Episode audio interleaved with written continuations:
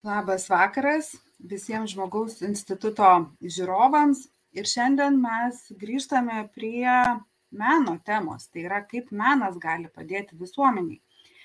Ir šiandienos vakaro transliacijos mūsų tema tai yra menas ir idėjos, kurios keičia visuomenę. Ir dėkinga savo pašnekovėm, kurios sutiko dalyvauti ir kurių dėka netgi šiek tiek pakoregavom temą nuo pirminės apie meno provokacijas link meno idėjų, kurios keičia visuomenę.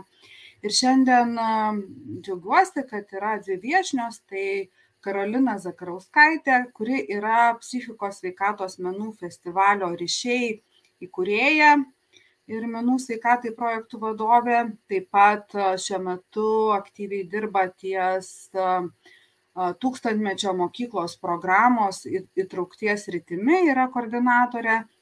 Ir tiesiogiai siejasi jos studijos su tai, ką mes žmogaus institute veikiam. Tai yra Karolina be viso darbo su uh, psichikos sveikatos menais ir įtrauktimi yra baigusi neuromokslų studijas tai iš tiesų tos tarpdisciplininės žinios manau kad šiandien bus ypatingai įdomios ir svarbios apie tai ką mes jau beveik du metus irgi bandome šnekėti kad tą psichologinį atsparumą arba psichologinę sveikatą galima kurti įvairiausiais būdais. Ir menas, kultūra plačiaja prasme iš tiesų gali padėti e, tiek visuomeniai, tiek atskirom jos sritim, ar ne, kai turime kažkokių iššūkių. Ir sekanti viešne, kuri tam tikrą prasme kolegė galėčiau pavadinti, kuri, kuri iš tiesų ir daug davė idėjų šiai transliacijai, tai yra Kamilė Krasauskaitė, kuri yra šio laikinio meno centro edukacijos ir bendruomenių įtraukimo kuratorė ir šio laikinio meno kurėja tai šiandien irgi kviesiu kamilę dalintis savo mintimis įžvalgomis ir iš kūrėjos pozicijos ar ne? Nes mes kalbame apie meną idėjas kurios iš tiesų na daro įtaką. Turbūt nėra meno kuris nedaro įtakos vienaip ar kitaip tačiau mes pakalbėsim apie tai kaip ypač šiuo iššūkių metu galime arba atsispirti meną arba atsiremti jį Ir galiu prisipažinti, kad šią temą inspiravo, įkvėpė atsiliepimai, kuriuos išgirdau iš savo aplinkos, kai jie apsilankė Lietuvos banke ir pamatė mm, Joko Ono parodą Exit arba tie, kurie apsilankė Viljamo Kentridžo parodoje mm, Čiulionio muziejuje. Ir tie, kas nėra buvę, nežinau, ar kolega galės įjungti keletą mm, iliustracijų, keletą nuotraukų, tai ypatingai Lietuvos banko skyriuje, kuris be viso ko žinomas ir kaip Kauno tarpukario architektūros vienas tokių iškiliausių pavyzdžių, šiuo metu yra šimt, apie šimtą skirtingo dydžio medinių karstų. Medinių karstų, iš kurių auga medžiai ir sklinda gyvosios gamtos garso įrašas. Tai šiuolaikinio meno centras ir kuratoriai uh, įtalpino šią parodą į natūraliaus šviesos šaltinio objektą, tai yra Lietuvos bankas, kuris ir šiaip primdavo uh, lankytojus.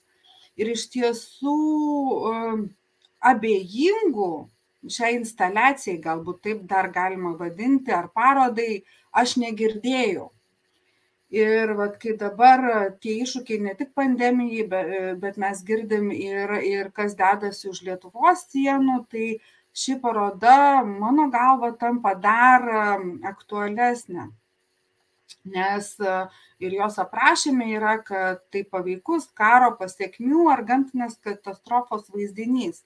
Ir žinau žmonių kurie na patyrė platų emocijų spektrą Tai va ir šiandien buvo straipsnis, kad nuo ašarų ir savo gyvenimo prasmės permastymo iki visiškai atmetimo reakcijos, šoko ir pasipiktinimo, kaip galima tai daryti.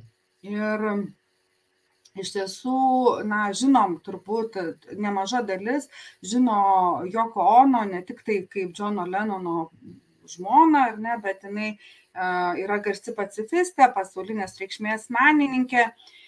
Ir viena iš tų menininkių, kurie iš tiesų, na, ką ir šiandien kalbame, gana drąsiai sako savo politinės idėjas visuomenė ir reiškia savo poziciją na, visuomeniškai ir tuo pačiu nori perteikti tam tikras žinutes.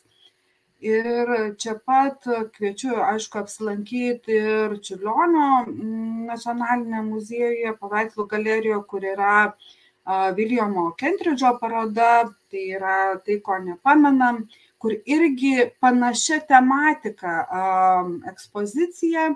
Tai reiškia, kad kviečia prisiminti, ką stengiamės užmiršti arba, ko, stengi, arba ką esame užmiršę. Tai ačiū už iliustracijas. Ir tas, ką papasakau apie tai, kas inspiravo šią transliaciją, tai iš tiesų pati pradėjau vesti mindfulness užsiemimus Čiurlionio muziejuje ir gavau irgi keletą klausimų, o kaip tu gali vesti žmonės į Kentridžo salę, kur yra tokie gospelas, tarsi, na, tokia laidotuvių muzika, ar ne, ir kodėl žmonės išeina įkvėpti arba su ašarom ir sako, aš permašiau gyvenimą, ar ne. Ir čia kaip mes pasižiūrėsime į tuos kai kuriuos purtančius reiškinius, ar ne? Ar mes primsime, kad dar kartelį pergalvot, kas iš tiesų yra svarbu ir kas mūsų atsparumo šaltinis, ar primsime, kad ne, aš noriu meno, kuris, kaip čia, blizgučiais, ar ne, būtų labai ir tiesiog tik tai linksmintų ir džiugintų ir, ir keltų vien gerą nuotaiką, ne? Tai perinant prie vat, Kamilės ir Karolinos, kviečiu, pasidalinau savo inspiracijomis, kurios atėjo ir, ir, ir tuo pačiu kviečiu pasidalinti ir jumis lygiai taip pat. Ir norėčiau pradėti nuo Kamilės, kuri yra ir kurieja, ir edukatorė, ir, ir tuo pačiu bendruomenių įtraukimo kuratorė. Ne? Tai jau skamba, kad plačiau išeinat iš, iš, iš, iš šio laikinio meno centro erdvių. Kaip jūsų darbas, na, va, šiandien apskritai šiuo laikotarpiu siejasi su tuo meno poveikiu ir meno įtaka visuomenė? Tai sveiki visi. Ačiū Janina, kad pristatėt mane. Ačiū Karolinai, kad irgi sutiko dalyvauti diskusijoje. Su Karolina mes esam šiek tiek ir padirbėję kartu, ir dirbtuvėse kartu dalyvavę. Tai atsakant į Janinos klausimą, tai visų pirma tikriausiai poveikis visuomeniai mano dabartiniam darbe šio laikinio meno centre kaip edukacijos ir bendruomenių traukimo veiklų kuratorė. Tai siejasi tiesiogiai taip, kad uh, aš esu irgi tas pats žmogus, kuris uh, veda įvairaus amžiaus uh, asmenis, mokinius taip pat, uh, arba senyvų žmonės, kuris galvoja, kaip tam tikri, tam tikri kūriniai ar uh, parodos, instaliacijos gali būti parodyti ir žmonėms su negale ir panašiai. Ir taip pat bendradarbiavam su tokiais žmonėm, žmonėm kaip su Karolina, tam, kad ištransliuotume teisingai tą žinutę. Tuo pat nežinau, kiek, kiek mes šiandien liesim, e, jūsų Janina pirminė siūlyta tema buvo meno provokacijos ir jūs dabar pristatant šitą pokalbį šiek tiek minėjote apie Joko Ono instaliaciją, kur, kurioje galite matyti šimtą karstų su iš, iš, iš jų augančiais e, medeliais. Ir kaip tik taip šiandien šėjo straipsnis su ganėtinai daug pasipiktinusių nuomonių, kad kaip galima eksponuoti karstus, kad tai galbūt kažkam primena laidotuvės arba baisumus ir taip toliau. Ir tada, nežinau, galbūt net ir man asmeniškai kaip kuriejai ir kaip užaugus šeimoje, kurioje mano vienas iš tėvų, mano tėtis yra menininkas, tarsi man automatiškai tai nėra kažkoks didelis dirgiklis, man tai tiesiog tampa klausimas, dėl ko tame kontekste tai yra parodyta. kokia žinutė yra norima tuo pasakyti ir taip toliau. Ir nežinau, man atrodo, menininkai, jeigu taip atsakant į provokacijos klausimą, tai dažnu atveju pasirenka tokius uh, simbolius, kurie vienaip ar kitaip jaudina arba su kuriais mes turim kiekvienas vienokį ar kitokį asmeninį santykį.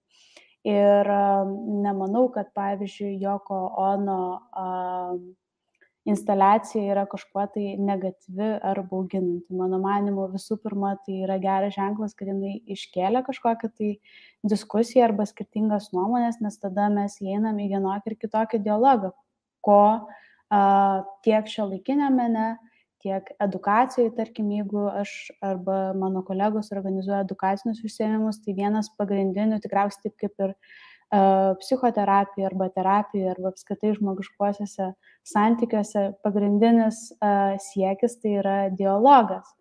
Tai tuomet tikriausiai būtent menas dažnu atveju ir tampa pretekstu sukurti tą dialogą ir galbūt net ir gana opiais klausimais.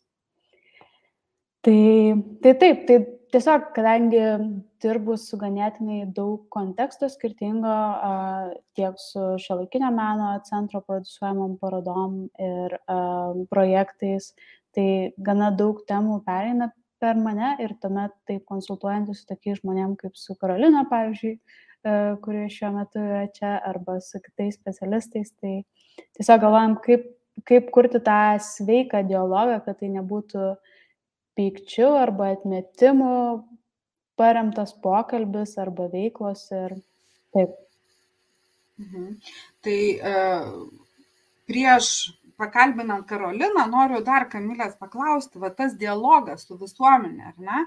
Žinome, kad dialogas tai yra, na, ne vienpusis kalbėjimas. Taip. Tai kaip sekasi išgirsti tas bendruomenės arba įtraukti tą dialogą arba iš to grįžtamojo ryšio uh, kurti kitus dalykus, ar ne, nes mes kartais pastebim ir vat, mes kalbėjom prieš tai, kad kartais žmonės, na, sako, aš nesuprantu to šio laikinio meno ir, ir jaučia įvairiausius jausmus, tai irgi ką su tuo daro paprasčiausiai.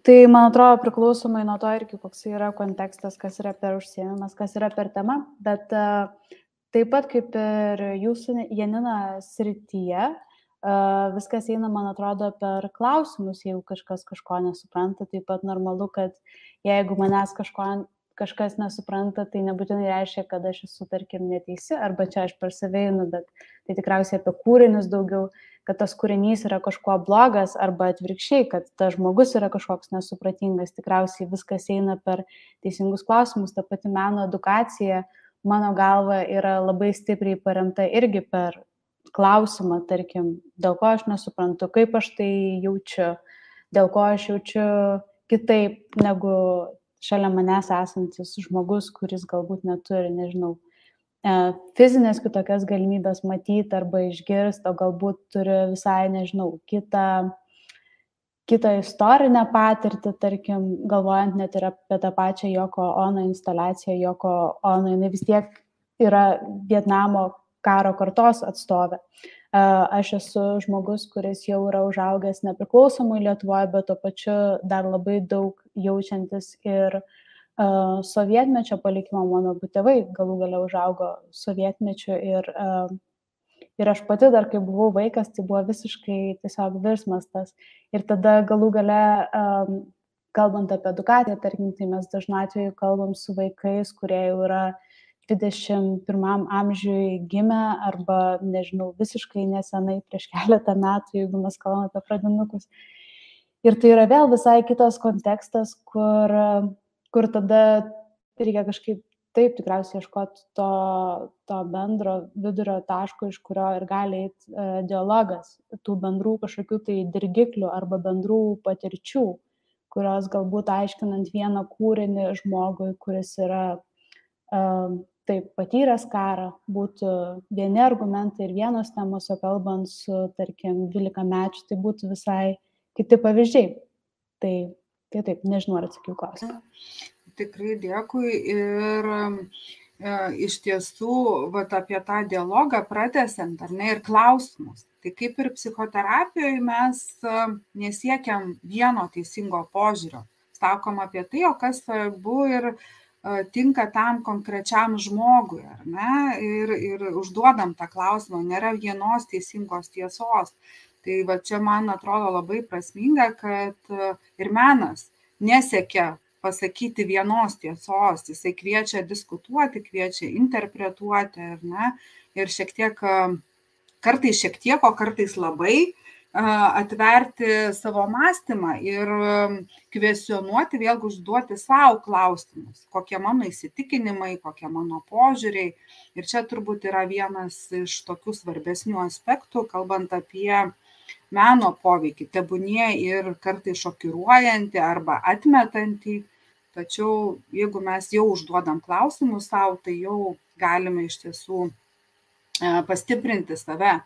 Ir čia prieinu prie Karolinos. Norisi klausti iš tiesų labai daug klausimų, pradedant nuo tų neuromokslų ir kaip atėjo į, į, į psichikos sveikatos menus, ar ne. A, tai galbūt ir nuo šito pradėkim ir kaip jūsų dabar arba, na, vat, festivalio darbas susijęs, tiesiog mhm. kviečiu irgi plačiau prisistatyti. Mhm. Mhm. Tai labas vakaras visiems, ačiū labai Kamilė ir Janina, kad, kad esam čia. Um, o, o mano kelias prasidėjo iš tiesų, um, kaip menai uh, šalia neuromokslų buvo visą laiką. Neuromokslus aš studijavau Škotijoje, turbūt būtina paminėti tą kontekstą, kad būtent Junktiniai karalystėje Škotijoje menų poveikas sveikatai praktikos labai paplitusios yra. Ir turbūt tas kontekstas natūraliai taip ir, ir padarė įtaką mano tam sprendimui, keliui e, ir, ir tam, kad, kad esu čia galų gale. Uh, tai bestudijuojant menai buvo tokia šoninė veikla, e, aš e, įvairiuose festivaliuose, e, tai savanoriaudavau, tai prisidėdavau kitaip prie jų organizavimo įvairiuose bendruomenės menų renginiuose. Ir tada po truputį, va, einant, einant tolyn per studijas, um, prisijungiau prie neuromokslininkų ir menininkų, kolek, menininkų kolektyvo kur, kur su Edinburgo universiteto profesoriais, dėstytojais įvairiais, taip pat studentais, doktorantais um, ir su menininkais um, bendrose grupelėse, kaip kūrėme, turbūt nu, mes prisidėjom vienaip, menininkai kitaip, bet, bet bendrom jėgom kūrėm uh, kaip ir mokslo tam tikras populiarinimo galbūt uh, iniciatyvas, kurias paskui rodydavom neuromokslų konferencijose. Tai idėja buvo, nu, būtent ta, kur menai naudojami kaip mokslo populiarinimo tam tikra priemonė. O paskui natūraliai ilgainiui mano interesas perėjo labai smarkiai į tą menų poveikį sveikatai sisteminiam lygmenį. Ne taip smarkiai kaip įrankį neuromokslo ar mokslo komunikacijai, bet labiau kaip, kaip menai, kaip priemonė, kaip kontekstas gali prisidėti prie žmonių, kurie turi va, tos įvairius neurologinius sutrikimus ar neurologinės įvairovės, apie kurias aš mokiausi, kaip, kaip menai gali prisidėti prie jų gyvenimo kokybės.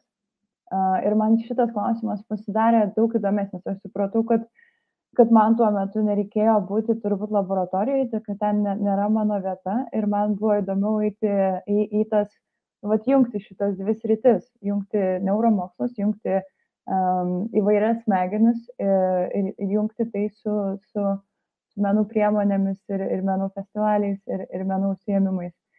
Tai va, ir, ir galų gale atėjau iki, iki to, kad jo, kad mes įvykdėme tą pirmąjį psichikos sveikatos menų festivalį, kuris, aš manau, buvo e, didelė sėkmė ir čia norisi labai daug padėkoti aktyviems psichologams, psichiatrams ir, ir galerijoms ir muziejams, kurie taip smarkiai palaikė nuo, nuo, nuo pat pradžios ir kažkaip atrodė, kad jiems šitų dviejų e, temų sujungimas um, buvo labai natūralus ir labai kažkoks, uh, nu, reikėjo tuo metu ir čia turbūt labai buvo susijęs su, su po pandeminiu laikotarpiu, kad mes pamatėm, kad medicinos sektorius turbūt negali vienas įspręsti visų psichikos sveikatos klausimų, visų uh, emocinės sveikatos, emocinės gerovės, atskirties,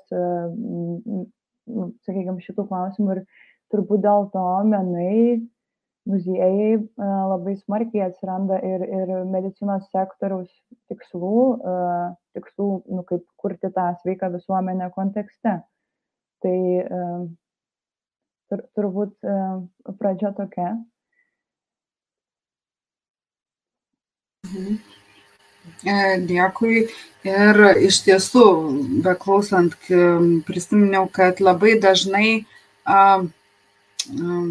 tiksliau ilgą laiką, ar ne, buvo žmogaus kūnas tarsi dalomas. Yra fizinė sveikata, atskirai psichologinė sveikata ir atskirai ta vadinama netgi dvasinė galbūt sveikata, ar ne, kad gydom tik tai kūno reikalus, simptomus, ar ne, po to yra psichologija jau labiau ir psichinė sveikata, na, moksliškai kalbant, ar ne, net ne emocinė.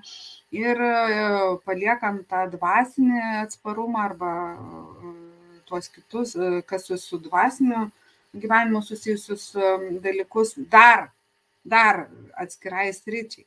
Ir panašu, kad menas gali būti visų šių dimensijų toks įtraukėjas ir, ir, ir surišėjas, ir, ir tarpininkas, ir gal net padedantis susikalbėti, kai jūs rašėt, kad ir su autizmo spektru ar ne dirbot ir, ir, ir nagrinėjot, kad kokiom priemonėm padėti pažinti gyvenimą ir pasaulį tiems, kurie turi šiek, šiek tiek daugiau sunkumų patirti negu vat, tas žmogus, kuris na, turi įprastus ar ne gebėjimus ir panašiai. Ir vat, norėčiau Kamilės dar pasiklausti, ne, mes kalbam apie įvairius aspektus, apie meną, idėjas, kaip menas iš tiesų veikia visuomenę. Ir prisiminus tuos nepatogius galbūt klausimus, kuriuos iškelia menininkai, gal Kamilė galėtum pristatyti, kas pačios galva atrodo paskutinio meto tie drąsiausi ar menininkai, ar objektai, kurie vat, išdryso m, iškelti tam tikrus nepatogius reiškinius. Mes vat, apie paminklą Vilniui galim čia pabandyti prisiminti ar ne ir šiek tiek vat, papasakot, šiek tiek vat, pla, pla, plačiau prašyčiau. Uh, taip, tai um, kažkaip jau net ir pirmo pokalbio su jumis, Janina, telefonu metu man tikrai e, į galvą šovė ir, ir manau, kad tai yra vienas reikšmingesnių tokių viešų gestų. Tai yra būtent rudenį įvykęs kasdienybės spektaklis Vilniuje su Cvirkos paminklu, tai yra Eglės Grebliauskaitės ir Agnės e, Gintalaitės. Taip, tai visų pirma, šitas projektas, aš nežinau, manau, kad daugelis yra tai matę kažkur tai spaudoje, arba žinau, kad buvo rodoma ir televizijoje tuo metu, aš pati tuo metu nebuvau Lietuvoje, tai aš mačiau tiesiog transliacijas visokias tai internetu, bet taip, tai menininkų pradinė idėja buvo tai padaryti kaip instaliacija, tai reiškia norima nugriauti paminklą paugint samanom ir tiesiog leis, kad padaryti, kad tai būtų tarsi ženklas, kad palikti tai laikui ir palikti tai suirti pačiam. Ir galų gale, kadangi jos negavo uh, leidimo iš savivaldybės, tai buvo uh, pristatyta ir gautas leidimas surenkti kasdienybės spektaklį, nepamirškime nebeprisiminti. Ir, ir taip, man atrodo, tai tikrai buvo visai plačiai nuskambėjęs ir, ir visuomeniai, ir taip pat uh, buvo kvesionuojama, kaip, kaip vyksta visi tie viešieji uh, sprendimai kažkokie. Tai um, nežinau, aš tikrai kviečiu tuos, kurie uh, negirdėjo dar apie būtent šitą spektaklį, tai šiek tiek pasidomės, bet um, šiandien aš pagalvojau, kad uh, Uh, jo, aš visai norėjau paskaityti tiesiog ištrauką iš Art News uh, Eglės Rinzevičiūtės straipsnio, būtent apie, apie šitą spektaklį, tai, tai jau galima š... pas, pasidalinsiu keliom citatom iš to straipsnio. Tai Viena tai, kad dirbtinių samanų sluoksnių padengta skulptūra praėjusio laiko simbolio nustumta į valingą užmarštį, portretiškumas išnyksta nusineždamas kartu ideologiją, lieka kasdienybė, miesto gyventojai, apmastoma laiko ir istorijos kaita. Tai čia yra iš e, Eglės Grebliauskaitės pasisakymo ištrauka, kita tai yra apskritai apie um, urbanistinio peizažą, uh, tai yra miesto urbanistinio kūno statymas, švarinimas ir visuomenės normų formavimas buvo kaip dvi to paties medalio pusės.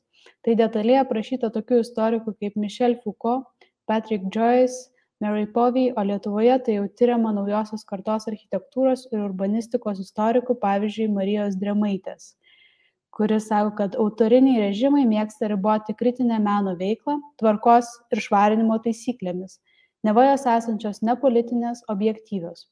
Jos taikomos sporadiškai, siekiant sukelti baimę ir nepasitikėjimą individualiom žmogaus teisėms. Galima prisiminti, kai Putino vyriausybė buvo uždariusi Sankt Peterburgo Europos universitetą pasitelkusi priežastį, kad universitetas netitiko priešgaisrinės saugos taisyklių. Tokie administraciniai išpoliai, kaip teigia Maša Gesen, sistemiškai naudojami siekiant įbauginti pilietinę visuomenę, parodyti, kieno rankose yra tikroji valdžia. tai kažkaip, uh, jo, man, man atrodo, kad uh, visas šitas uh, veiksmas, uh, jisai mane galbūt ir prieš patį pokalbį vertė pagalvoti apie E, ir jūsų, Janina, pradinė užduota tema, tai meno provokacijos ir tai siejant su būtent tikriausiai Karolinos ir mano asmeninė patirtim, nes aš irgi ir, ir dirbu šiek tiek su neįgaliaisiais ir turiu savo artimoj uh, e, aplinkoj neįgalų žmogų su Dauno sindromu. Tai mane tiesiog verčia galvot, kaip mes reaguojam, matydami tai, ko mes nesuprantam iš karto kaip mes reaguojam, kai taip, kai nežinom, kaip į kažką atsakyti, kaip mes bijom pasakyti vienokią ar kitokią nuomonę arba padaryti vienokią arba kitokį viešą aktą dėl to, kad mes nežinom, bus, koks bus atoveiksmis to akto arba pasirodymo arba pasisakymo. Tai manau, kad šitokio tipo projektai, jie tikrai verčia reflektuoti ir, ir kiekvieną mus asmeniškai ir, ir taip pat, e, nežinau, galvot metaforiškai, kad tai yra taip e, visokių vienu metu vykstančių veiksmų spektaklio manifestacija. Mhm.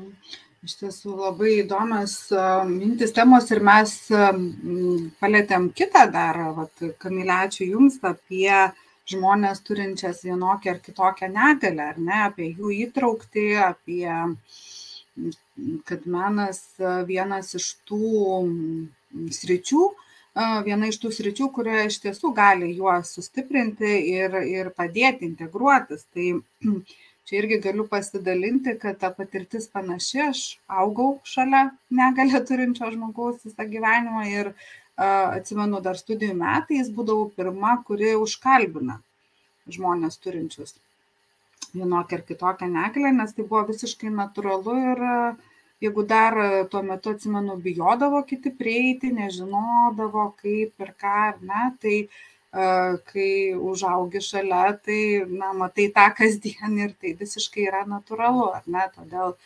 nebaisu, nebaisu bet kas ir, ir tiesiog tai yra primtina kaip, na, yra kaip yra, ar ne? Ir va, tai, ką Kamilė sakėt, tai man užsirašiau kelias žinutės, kad va, tas, nežinau, ar taip galima sakyti, projektas ar performances ar, ar, ar vyksmas su Petros Virkos paminklu, kur, kur tam tikros parodytos ir biurokratinės kliūtis, jos tikrai gali inspiruoti ir pakviesti žmonės drąsiai. Drąsiai nebijoti, drąsiai laužyti stereotipus, ryštui keistis ar ne ir, ir parodyti, kad jeigu gali dvi menininkės tai padaryti ar ne, tai reiškia visi kiti irgi taip pat gali. Ir dar irgi tas pavadinimas Aš atsimenu jau tada, kai vyko, aš jį buvau užsirašęs didelėm raidėm. Nepamirškime nebeprisiminti. Čia iš vis yra visiškai psichoterapinis toksai apibūdinimas, ką žmonės tengiasi labai su didelė įtampa nebeprisiminti, deda visas įmanomas pastangas nebeprisiminti kažko. Ne? Ir, ir tai irgi va, pasako, nepamirškime nebeprisiminti, ne? nes kuo daugiau mes na, su įtampa ties savo praeitim ar, ar kažkokiais sunkiais išgyvenimais būnant, tai tuo iš tiesų jie, jie vis na, yra aktualesni, o kada galime sustoti, priimti, kad tai yra tiesiog dalis, ar ne, tai ir šiek tiek lengviau yra tada paleisti ir mažiau sitemti. Tai prie Karolinos noriu, ar ne, vėl pereiti čia mes jau kalbam apie labai įvairius aspektus ir nežinau čia iš jūsų patirties asmeninės tiek iš neuromokslų galbūt pusės tiek iš festivalio galbūt galite vat mums sudėti taškus tokius, tai kokį kitą poveikį menas turi sveikatai, ar ne, kodėl šiandien viso pasaulio psichikos sveikatos, vadinkim taip, centrai arba edukaciniai centrai, tiek muziejai priema kaip tai kaip visiškai normalų reiškinį. Tai iš tiesų čia kalbėti galima taip labai daug ir įdomiai ir ilgai ir, ir pabandysiu gal, nežinau, gal tos uh, akcentus, kurie man mano veikloje atrodo, atrodo svarbiausi, nes tų akcentų turbūt skirtingose srityse yra, yra labai, labai įvairių. Bet menas uh, iš tiesų lab, labai naudingas yra kaip, kaip būdas kurti žinutės apie, apie sveikatą ir sveikatos priežiūrą. Tai čia um, galvojam, kaip, kai, sakykime, prasidėjo uh, COVID visa situacija, tai mes sužinojom, uh, kaip, kaip turbūt rūpintis, ką reikia daryti iš iliustracijų aplinkui, kad, kad mus uh, labai smarkiai pasiekė informacija per iliustracijas, per, per įvairius uh, animuotus video filmukus. Tai vat menai me meninės priemonės naudojamos nu vat kaip kaip tas būdas žmonėms kurti žinias ir supratimą apie apie savo sveikatą apie nu apie kaip kaip savimi rūpintis tai čia yra vienas momentas tada jeigu einam e, į festivalio patirtis ir apie ką yra festivalis tai festivalyje menai yra naudojami kaip e, kaip kaip kontekstas sukurti saugią aplinką kaip kontekstą sukurti saugią aplinką, dalinti savo patirtimi. Jeigu, sakykime, Lietuva, kaip ir e, tai yra toks disonansas statistikoje, kad mes žinom, kad kažkaip mažiausiai pagal depresijos skaičius esame vieni iš nu, tų šalių Europoje, kuria mažiausiai depresijos atveju, bet savižudybių pirmaujame. Tai čia rodo, kad na, mes vis dar nesikreipiame pagalbos, kai jos reikia ir, ir yra ganėtinai turbūt, nu, čia kelios skirtingos priežastys, tai um, bet, bet jo, tas, tas nesikreipimas pagalbos ir stigma, stigma nežinojimas turbūt, kur galima gauti pagalbos, uh, yra iš, vien, vienos iš tų priežasčių.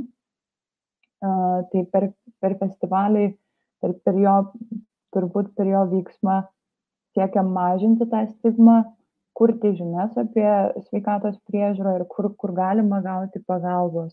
Turbūt siekiam sukurti tokias situacijas, kur vienas žmogus jau perėjęs per savo procesą, jau jisai gali dalintis ir tada kitas galbūt išgirsta, kad, ai, tai aš ne vienas, tai čia, ai, čia va šitas padėjo, nu turbūt gali, gali kažkaip um, tas jautimasis ne vienu ir tas išgirdimas, kur, kur galima e, kreiptis pagalbos, man atrodo, svarbus labai momentas yra, tai, tai tai tas istorijų pasakojimas ir o per tai mes galim ateiti iki tam tikro bendruomenių kūrimosi.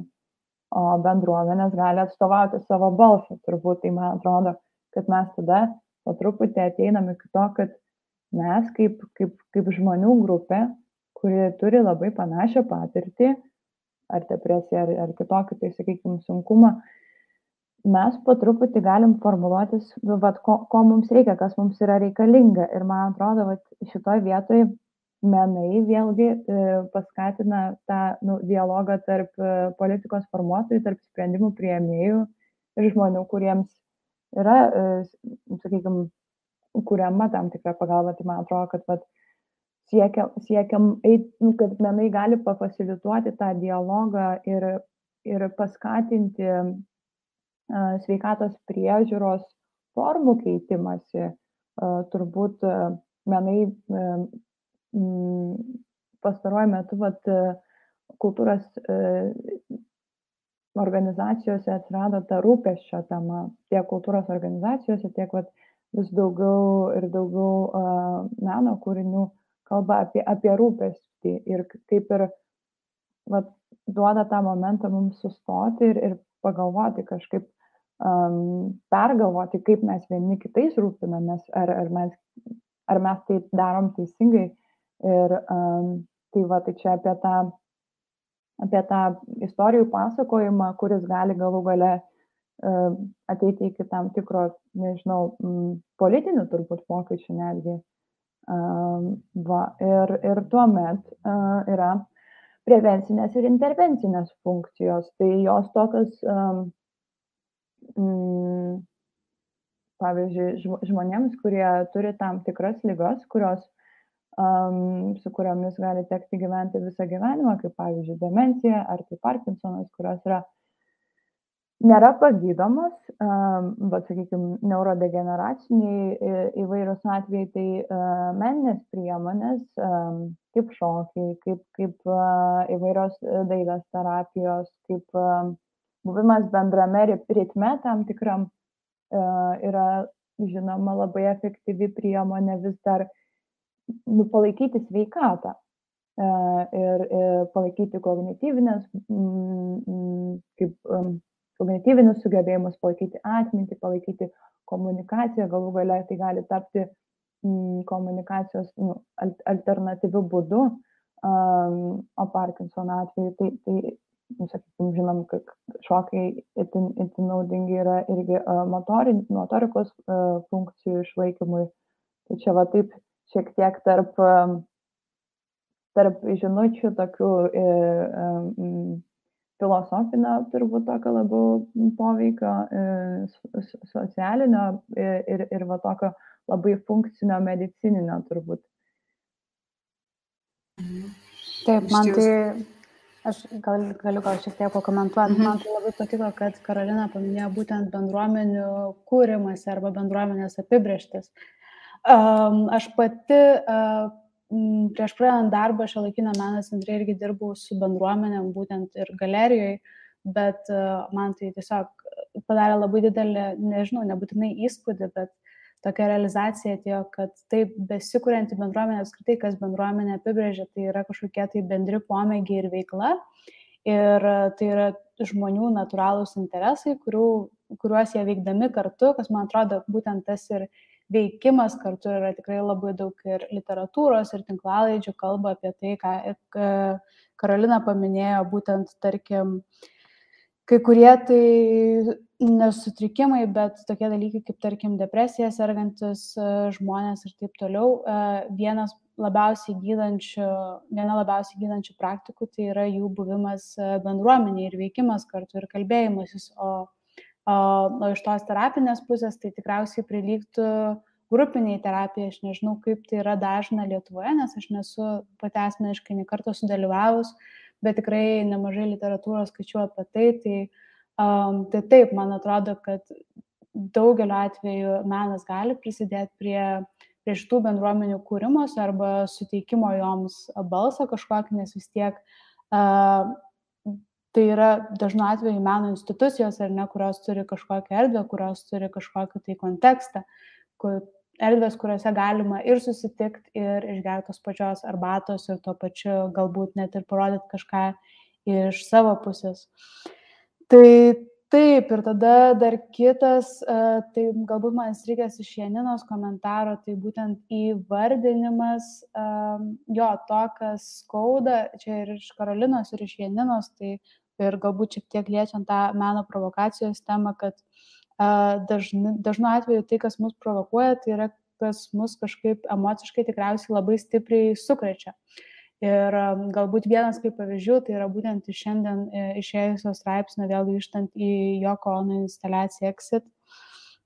Tai kur, jeigu neklysiu, tai būtent viena iš darbuotojų pareiškė, kad jai tai tiesiog priminė nesenai buvusias uh, laidotuvės ir kad jinai tiesiog liko visiškai šokiruota, ten apšalus ir taip toliau. Ir tada atrodo taip, tam žmogui tai sukėlė kažkokias tai negatyves emocijas, bet tai ne, nemanau, kad tai sukėlė, mano, mano galva tai iškėlė ir tai, kad žmogus, tarkim, tai apie tai gali pasikalbėti galbūt net ir darbe, kur jisai eina ir, ir galbūt jo kolegos net nežino, kad jisai ne, ne per seniausiai patyrė netekti ir kad jisai tikrai tai viduje išgyvena, galų gale atsiradus kažkokiam dirgikliui, jisai tiesiog garsiai pasako, kad a, taip, aš šiuo metu, tarkim, išgyvenu gedulą ir man tai yra, nežinau, mane tai dirgina arba man tai yra svarbu.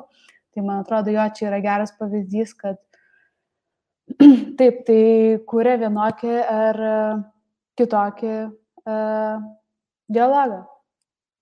Mhm. Darė. Taip. Ir čia dar šioje vietoje aš iš tikrųjų dabar galvoju apie kitą labai gerą provokaciją, turbūt, nu, gal provokacija ten netinka to žodis iki galo apie parodą, kuri buvo, m, vyko nacionalinėje dailės galerijoje kuruota Eglės Mikalajūnės Atilos paroda, kur buvo viskas apie, apie psichozę. Menininkė dalyjasi savo psichozės patirtimis. Dalis, sakykime, dalis jos e, kūrybos, e, ankstyvoji kūryba buvo skirta būtent dalinti savo psichozės patirtimis ir, ir, e, ir kas vyksta aplink tą parodą, man va čia, va čia yra tas svarbus momentas, man atrodo, kad um, įvyko konferencija. Konferencijoje dalyvavo nuo socialinių darbuotojų, medicinos darbuotojų, tyriejų, man atrodo labai labai svarbu yra tas humanitarinis momentas, kad mes e, sveikatos priežiūros specialistus iš, iškviečiam, pakviečiam ateiti į galeriją, ateiti į kitur, ateiti į žmogišką ryšį, pasižiūrėti į tai, ką jie kaip ir tvarko, turi kaip ir sutvarkyti, sutaisyti, kad tas žmogus, vat, nu, uh, tai man atrodo, va, tas, tas humanistinis, tas, va, tas um, žmogiškumo tas momentas, tas um, vat, vat, vat tas um, jo humanitarinių mokslų momentas um,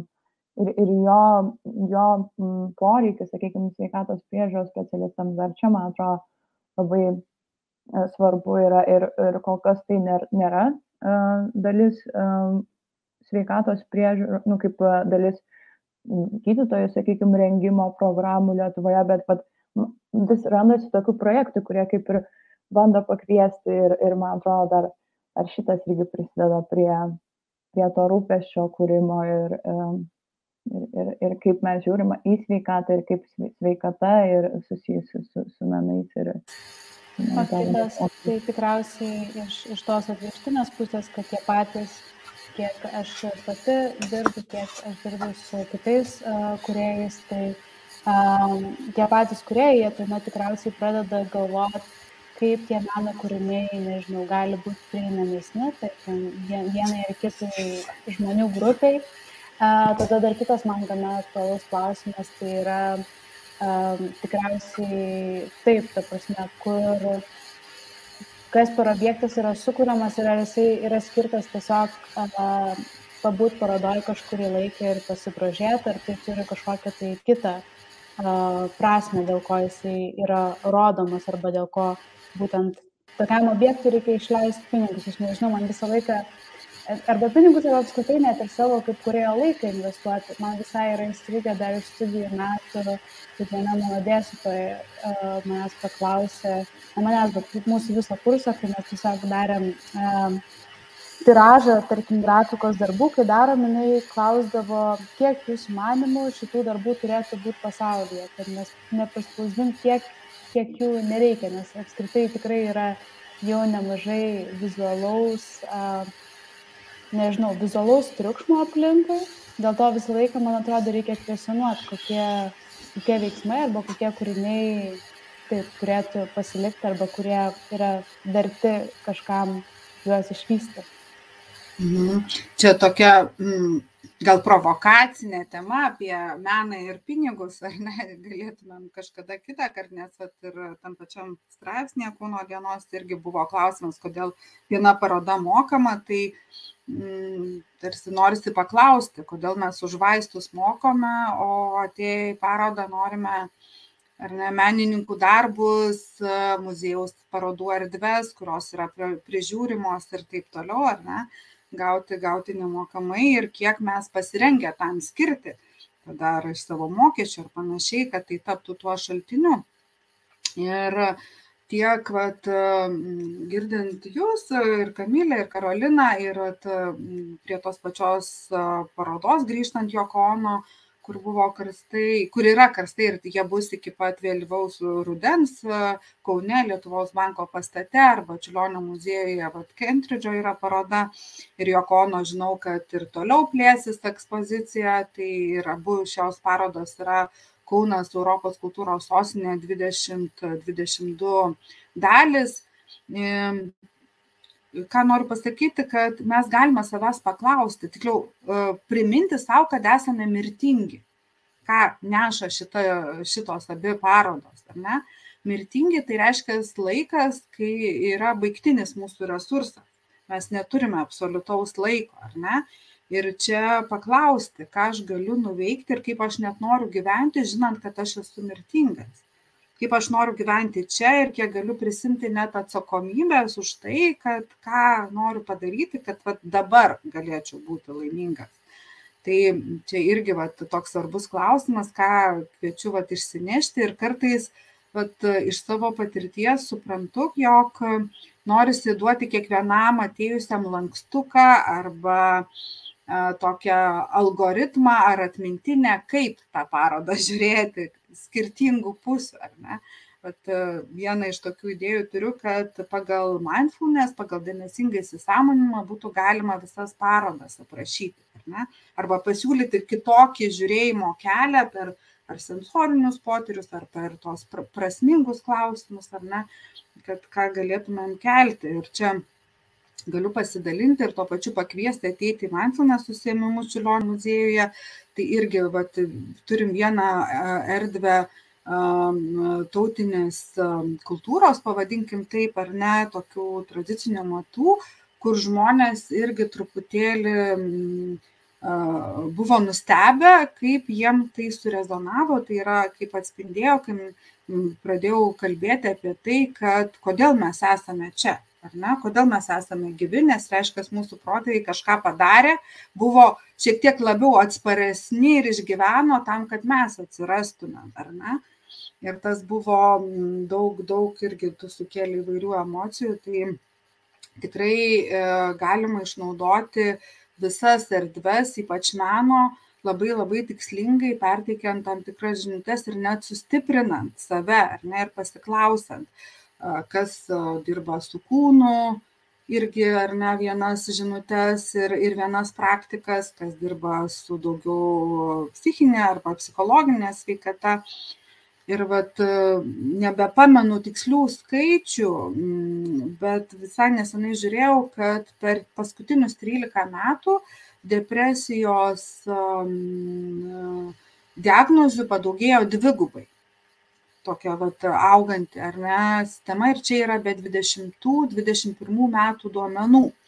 Tai vad matysime, kaip toliau. Tai faktas, lyginant net savižudybių depresijos skaičių, rodo, kad žmonės pas mus mažai ryštasi kreiptis pagalbos. Nors mes iš psichoterapijos pusės matom, kad tikrai didžioji dalis yra užimtų ir reikia laukti laiko ir, ir, ir nėra taip, taip paprasta, ar ne, prieiti, kad žmonės vis labiau, labiau rūpinasi. Na, o einant šiek tiek į finalinę mūsų transliacijos pabaigą, tai jeigu dar turite kokių klausimų, tai kviečiu užduoti. Ačiū tikrai pašnekovam už tai, kad dalinasi. Visgi norėčiau apibendrinti tai kaip šiuolaikinis galbūt menas, apie kurį, apie kurį mes čia šiandien turbūt didžiąją dalim šnekėjom, ar ne, kaip gali padėti žmogui ir vat, kokią žinutę jūs kiekviena asmeniškai vat, galėtumėt perteikti.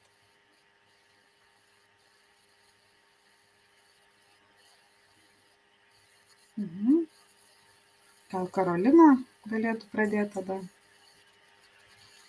Aha, tai, tai žinutė, turbūt aš įsivaizduoju, kad mes, mes visos trys norim pakviesti žmonės į galerijas. Man atrodo, šitą, šitą žinutę labai aiškiai čia šiandien. Um, man labai norisi pakviesti, jo, pakviesti į galeriją, trumpam sustoti, įsižiūrėti, e, tur, turbūt šito ir turbūt pastebėti tą, kas šalia.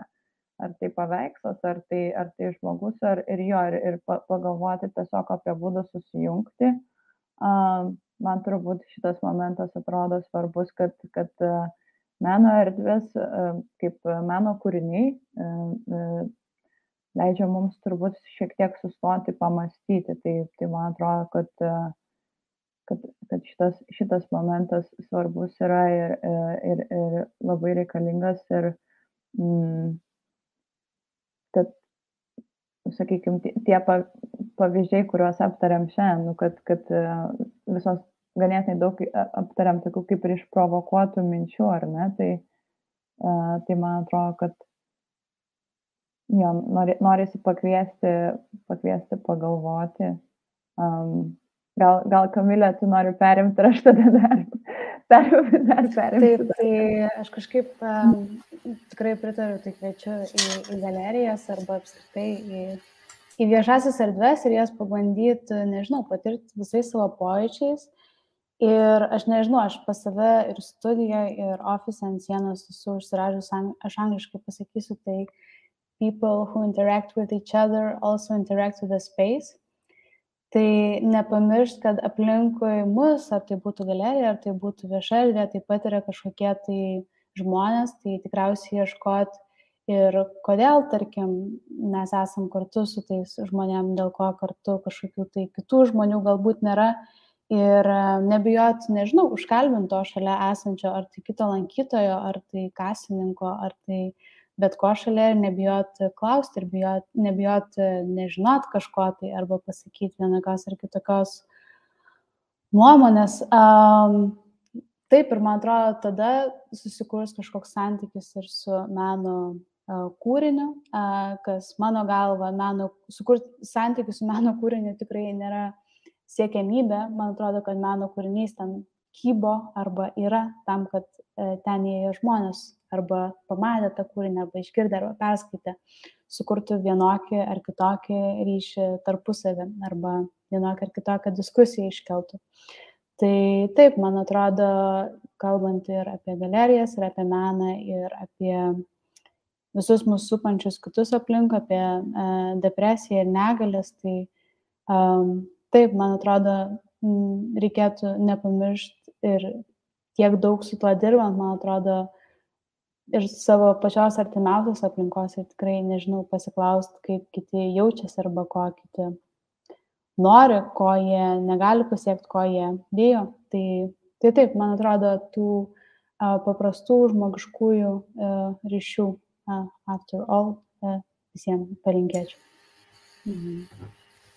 Ačiū labai ir kaip minimum visos tos viešosios erdvės, meno erdvės, kultūros erdvės gali būti ir toks sujungiantis um, santykis tiek šeimom, tiek um, partneriams ir, ir panašiai, ar ne, ir su vaikais pabūti, um, pasiklausti savęs, kas šiandien man svarbu, ar ne, ir nebijoti ateiti kelis kartus ir net kartoti tas pačias erdves, vėl pamatyti iš naujo ir tuo pačiu mm, atpažinti, kas man kuria prasme ir priimti, kad visa tai yra laikina. Ypač jeigu mes, pažiūrėjau, matome, kad ir senesnius meno objektus, ar ne, kurių kuriejų jau nėra tarp mūsų, ar ne, tai irgi daug labai suteikia išvalgų mm, tokių suvokti tą gyvenimo trapumą ir tuo pačiu leidžia priimti save, kad aš esu na, netobulas, laikinas ir galiu apsispręsti, pasirinkti tą gyvenimo kryptį, kurios aš pats noriu arba taip, kaip aš noriu. Ne? Tai va, aš suvedžiau meną ir psichoterapiją į vieną tą pusę, ar ne? Ir a, dar Karolina žadėjo kažką pridėti dar man kilo mintis, Janina, kaip pasakėte apie būtent tą meno kontekstą, kaip jungianti šeimas ir, ir, ir gavos, kad mes kalbėjom ir apie sveikatą, tokius politinius kontekstus ir bendrai apie gerovę. Tai uh, atsiminiau, kad va čia prieš keletą savaičių su, su mano broliu, kuris turi Dauno sindromą, kuris jam jis vyresnis nei 20 metų yra, tai tuo metu, kai, kai jis ėjo mokyklas panašiai, traukties situacija buvo vis tiek nu, sudėtingesnė nei jinai yra šiandien, vis tiek mes judam pirmin. Jis labiau tose, nu, kaip segreguotose aplinkose mokosi. Tai mes nuėjom į, į pirmą e, koncertą, tokį vat jaunimui, nu, kur buvo jo bendramžiai, kuris nebuvo, nebuvo būtent e, segreguoti aplinkoje, kur, nu, vat, renginys skirtas žmonėms negalio, nu, nes dažnai vis dar tokia yra realybė. Mes ėjom kartu jo į koncertą, e, vyko sodas 123. Ir va ten jis, jis tiesiog, jam buvo taip linksma, jis, e, jis atradom tokį vakarėlių liūtą jame. Ir, ir tas momentas, kad tu kaip staiga pasikeičia tėvų požiūris, kad tada nu, tu pradedi galvoti, kad, ai, tai šitas žmogus gali būti toks nu, atsakingas už save ir jam gali, jis gali, va, nu, jam šitaip gali patikti, arba, nu, va, jis, jo, jis, jis gali būti, va, kaip, kaip, kaip, nu, va, šok tokiam dideliam masiniam renginiui, kaip mes visi šokam, ar tas, nu, nu vat jo apie tai apie saviraiškos būdus apie savo poreikius kad kažkaip va tas momentas kad kad jo kad menai turbūt leidžia susipažint vieni su kitais irgi ir kažkaip turbūt sugriauti kažkokias prielaidas ir ir tai va tai tai tai Mhm. Dar, dar kartą pabaigai tas toks gražus atsiminimas, kur atrodo, kad jo, visiems labai prasmingas buvo tas koncertas. Ir ačiū labai iš tiesų Jums, kad um, prisijungėt šiandien ir Kamilė, ir Karolina. Ačiū visiems, kurie žiūrėjot ir kurie dar žiūrės įrašą. Ir iš tiesų menas padeda atverti žmonės, ką ir mes uh, stengiamės uh, daryti ir tie, kurie dirba ir psichinės veikatos rytyje. Ir vat, ką šiandien ir mūsų diskusija rodo, ar ne, kad galimi įvairiausi būdai, kaip surasti tą savo stiprybę, atsparumą, užduoti klausimus tau ir net vat, paskutinis pavyzdys, ar ne, atskleisti žmogų visiškai naujai, kur na, niekas nesitikėjo.